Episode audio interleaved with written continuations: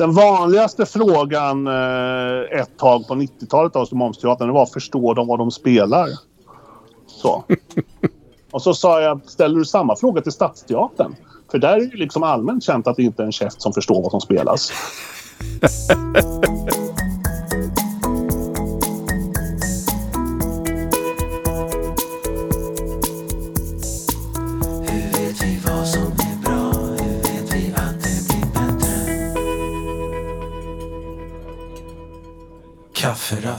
i Kunskapsfabriken. Välkommen till kafferast i Kunskapsfabriken Kjell Stjärnholm. Och tackar, tackar. Och vad ska man säga om dig? Jag har ju sprungit på dig mest i sådana här folkbildningssammanhang. Men du har ju en ganska brokig bakgrund, eller? kan man väl påstå. Jag har ju... Eh, eh, eh, jag är, har ju en stor erfarenhet och ägnat större delen av mitt liv åt korsningen mellan teater och personer med funktionshinder. På alla nivåer. Mm. Det är ju liksom där jag har varit mestadels och så fram tills för sju år sedan då jag slog över och blev nationellt ansvarig för att utveckla eh, Studieförbundet Vuxenskolans folkbildning på funktionsrättsområdet. Alltså det kändes som ett ganska logiskt steg att kliva över till folkbildningen utifrån det du hade gjort, eller hur? Ja, det var, det var liksom inga... Eh, nej, det var inget konstigt alls egentligen. Studieförbundet Vuxenskolan var ju så att säga Momsteatern i Malmös eh, mamma och jag var dess pappa. Kan man Ja, säga. just det. Och så samarbetet hade existerat över lång tid. Mm. Eh, eh, ja. Men om du skulle förklara för mig om jag inte hade en aning om vad Momsteatern var. Vad, vad är Momsteatern? Momsteatern är alltså eh, så långt vi vet världens enda fullt professionella teater baserad på skådespelare med intellektuell funktionsnedsättning. Just det. De är fortbildade på Teaterhögskolan, eh, löneanställda på marknadsmässiga löner kontinuerligt året runt, samproducerar med institutionsteatrar, producerar dramatik på samma korta tid som funktionsnormativa skådespelarkollegor. Man har bland de bästa frigruppsvillkoren i Sverige och ja, Mm. man har rivit varenda mur av, av eh, diskriminering skulle man kunna säga. Och man kan väl säga också att, då att, att i omvärlden finns det andra teatrar som är lika bra konstnärligt. Momsteatern är inte den enda teatern i världen som producerar högkvalitativ eh, teaterkonst. Nej. Men det finns, vi har inte sett någon annan som klarar det och att klara eh, eh, eh, transmissionen från socialförsäkringssystem till eh, fullvärdig professionalism, likhet inför lönen. Varför heter den Momsteatern? En gång i tiden, eh, 1988, när Sydsvenskan skulle komma för det första besöket så hade teatern inget namn. Vi var tvungna att komma på ett. Och då lekte skådespelarna med orden Malmö och omsorg. Jaha. The rest okej. is history. Ja, just det. Och nu är det Eh. Momsteatern helt enkelt. Ja, jag har alltid tyckt att det är ett kastnamn. Va? Mm. Men, men eh, eh, eh, vi kommer ju inte undan det därför att det är ju liksom varumärket är ju inarbetat. Så att, eh, ja.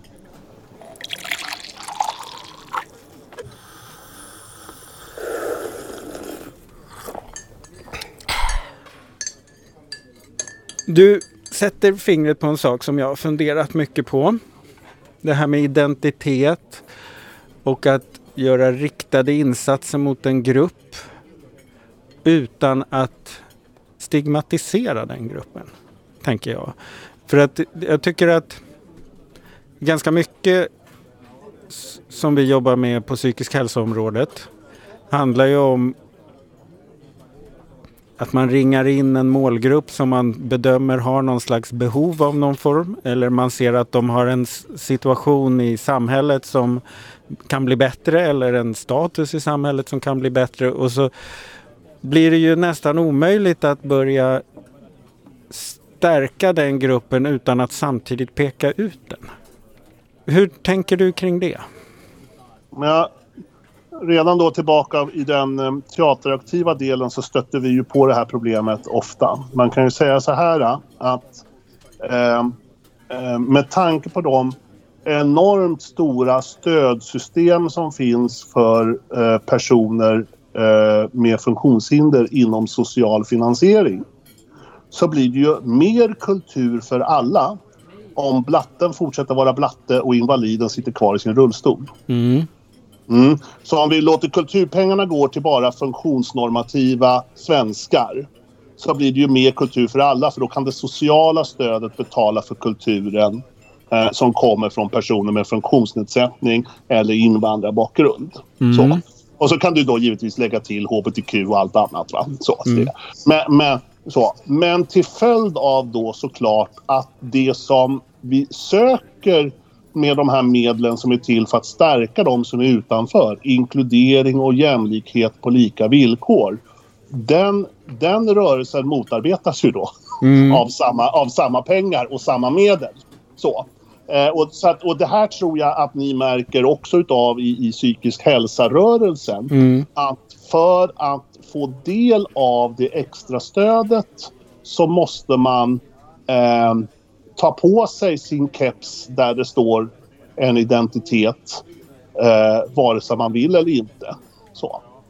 Eh, man skulle ju kunna säga så här att jag vet ju att jag har ju varit med i flera projekt eh, som ni har anordnat där egentligen är, är om, målet har varit att omvärlden ska förändra sin uppfattning om psykisk hälsa. Då skulle man kunna säga att det är omvärlden, den funktionsnormativa omvärlden som är målgruppen. Just det. Det har ni aldrig kunnat skriva i någon ansökan. Eller hur? Då måste man göra sig själv till målgruppen till den som ska bearbetas eller något annat sånt. Och här har vi liksom ett problem. Ja. Eh, upplever jag. Samtidigt som, ska man säga, jag tycker inte vi som jobbar i för någon form av jämlikhet, egenmakt, lika villkor. Eh, vi får inte vara för fina för att ta de pengar som finns medan vi kämpar. Så är det ju bara. Va? Det är liksom, det, och så får vi liksom föra den här dubbla konversationen där vi eh, eh, eh, pratar och, och, och, och, och, och tydligt argumenterar för en lika inkludering medan vi använder pengar som är baserade på separatism. Ja, just det. Så att det blir att vi tar de där pengarna som är riktade till målgruppens bästa och så säger vi fast egentligen är det alla er andra vi håller på att försöka förändra. Så skulle man kunna säga. Ja. Eller? Just det. Mm. Mm. Och, och det, jag tycker det är rimligt. Alltså det är ju någonstans... Eh, man kan ju säga så här att om inte uppdelningen utav de här stöden fanns så ser vi ju ett facit i all annat stöd som går att det mesta går till de som redan är igång, redan har bildningen, redan har resurser, är födda tidiga på året, eh, ja, män före kvinnor och så vidare. Det vet vi från massor av studier.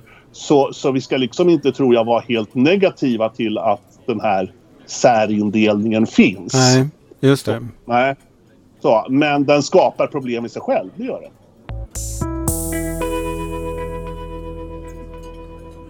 När du var med och startade Momsteatern. Hade ni något uttalat syfte mer än att ni ville spela teater? Ja, då kom jag ifrån att ha använt teatern som ett pedagogiskt verktyg för den här målgruppen. Och eh, då sa omvärlden sa då hela tiden att eh, Kjell gör underverk med de utvecklingsstörda. Det var terminologin då. Va?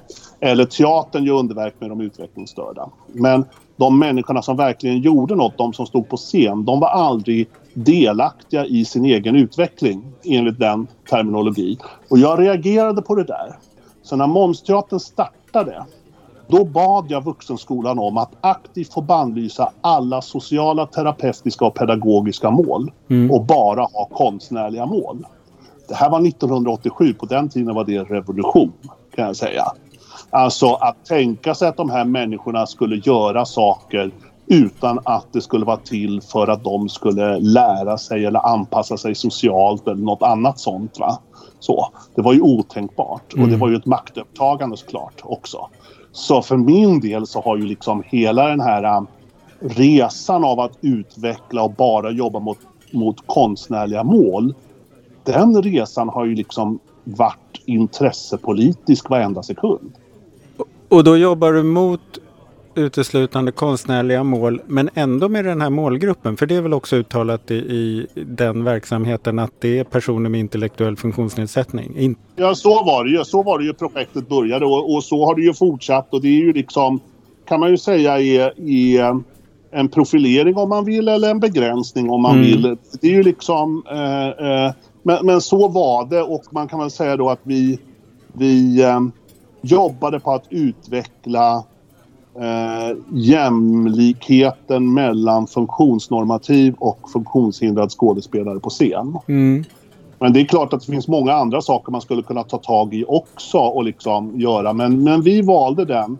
Att bara konstnärliga mål och så eh, ha med oss den här eh, jämställdhetstanken eh, in i det mellan eh, skådespelare med och utan funktionsnedsättning. Kafferast i Kunskapsfabriken. Vad skulle du säga att folkbildning är för dig? Eh, folkbildning är ju flera saker. Jag jobbar ju på ett studieförbund. Så Mm. att, eh, eh, men, eh, och, och studieförbunden och folkhögskolorna är ju lite olika i, i hur de bygger sina, sina lärandeprocesser Mm. och system skulle man kunna säga. Där, där det är sammanhållna program mycket på folkhögskolor med ett visst mål. Medan eh, studieförbunden är ju mera studiecirklar och sånt. Men det som kommer gemensamt i all folkbildning är ju någonstans att det är en kraft som kommer underifrån. Att det är fritt och frivilligt. Att folk lär sig tillsammans det de vill lära sig. Inte det någon har sagt åt dem att de borde kunna. Mm. Så, så det är ju liksom skillnader där på perspektiv. Så det finns... Och på det sättet är, tänker jag, eh, studieförbunden och studiecirkeln en, en alldeles utmärkt plattform för både egenmaktsarbete och eh, eh, eh, självhjälp och, och, och anhörighjälp, anhörigstöd till varandra. För den bygger så mycket på att du ska liksom Mm. du äger din fråga och du äger ditt lärande och tillsammans tar vi oss framåt. Det är ju liksom en process som Just är det. rätt från början, tycker jag. Och jag tycker det finns en vinkel till som eh, förutom att man, det, man väljer själv vad man vill lära sig så finns det ju ett moment i folkbildningen också att det är någon, alltså en del av kunskapen kommer ur de som jobbar med den. Mm. Alltså, och det är meningen. Eh, alltså det är i gruppen som vi kan ha ett material som beskriver saker som vi lär oss. Men det är också den, vad vi gör med det materialet i gruppen som är liksom en, en ingrediens man inte kan vara utan. Du kan inte hålla på med folkbildning ensam. Nej. Hur som helst. Och då, då tänker jag att det är också, för då blir det ju också en identitetsskapande aktivitet. Så är det. Mm.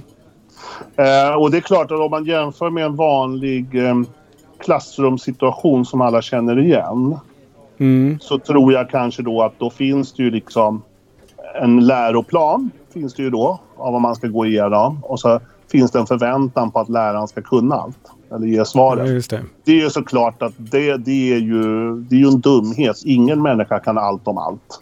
Det är ju liksom, så är det ju. Va? Men folkbildningen befriar sig från det ännu mer. Mm. Och så är det inte en lärare som har kommandot över gruppen. Utan gruppen tillsammans. Jo, vi har en studiecirkelledare. Men det den gör det är att leda gruppens gemensamma lärande och sökande efter kunskap. Mm. Men jag tänker också att i en vanlig läroplan så finns det ju också en idé och en beskrivning av vad den där kunskapen är när man har, har lärt sig den. Att det är det här du ska kunna och då ser den ut så här. I ett folkbildningssammanhang så kan svaret vara mycket större. Jag hade ett utbildningsföretag på 90-talet Mm. som jag drev bredvid min teaterutveckling. Eh, som eh, gjorde stor succé och fördubblade sin omsättning varje halvår i fem år i sträck. Det gick som en raket. Så, och det som skapade den här utvecklingen det var att jag hade en idé som gjorde att jag sa åt de som jag anställde det här att de fick inte mäta vad som lärdes ut. De fick bara mäta vad som lärdes in. Ja, just det. Och det förändrade hela kunskapssynen på hur vi la upp alla våra utbildningar. Så. För helt plötsligt så blev ju all processbaserad undervisning så mycket mer eh, eh, skapade ju ett helt annat lära in Mm. än, än eh, förmedlingspedagogik så på det sättet. Va? Så process vann hela tiden och dessutom så var det så att ju mer ägande över utbildningen och inflytande man gav till de som gick utbildningen desto mer prickade ju vi såklart det som de ville lära sig och deras upplevelse av att ha ökat sin kompetens. Så man kan säga att när vi liksom knäckte den koden av att göra det istället för att mäta vad som lärdes ut så mätte vi det som lärdes in och ändrade processerna efter det. Så hamnade vi i ett studiecirkelformat kan man säga. Där, där deltagarna äger tillvaron. Och utvärderingarna, då räckte ju inte den femgradiga skalan till längre utan folk började lägga till små sjätte rutor eh, ovanpå för att beskriva hur superfantastiskt det hade varit. Ja. Eh, så, för de var inte alls vana vid den typen av fortbildning. De var vana vid att bli tillsagda hur man skulle göra från någon som stod och drog saker för dem. Så, så jag tror mycket. Jag tror mycket, mycket på den här formen. Och när du säger det där, jag har senast idag suttit i ett möte med en vård, en psykiatristab och pratat om brukarinflytande och sånt där. Och då, då hamnar vi ju hela tiden i det här att vården är ju på grund av alla sina riktlinjer och lagstiftning och så otroligt upptagen med vad den gör hela tiden. Mm. Men inte vad den skapar. Men jag, jag upplever det också. Jag, jag har ju då lite grann varit eller är fritidspolitiker också. Mm. Har då hamnat i, i hälsofrågor också eller habiliteringsfrågor och sånt. Men, och jag kan väl uppleva där att, att vi pratar ju om en patientcentrerad vård. Eh, så, men ehm, jag kan väl upp, jag tycker mig se flera processer där patientcentreringen villkoras av att man som patient väljer det som vården ändå gör. Ja, just det, definitivt så. Alltså så att det är liksom en... en och jag tänker att, att i allt det här oavsett om det är utbildning eller vård eller eh, så va, så är det ju en fråga om att förflytta makt Mm. i slutändan. Så är det en fråga om att förflytta makt. Eh, och då kanske också förflytta ansvar också. Mm. Mm.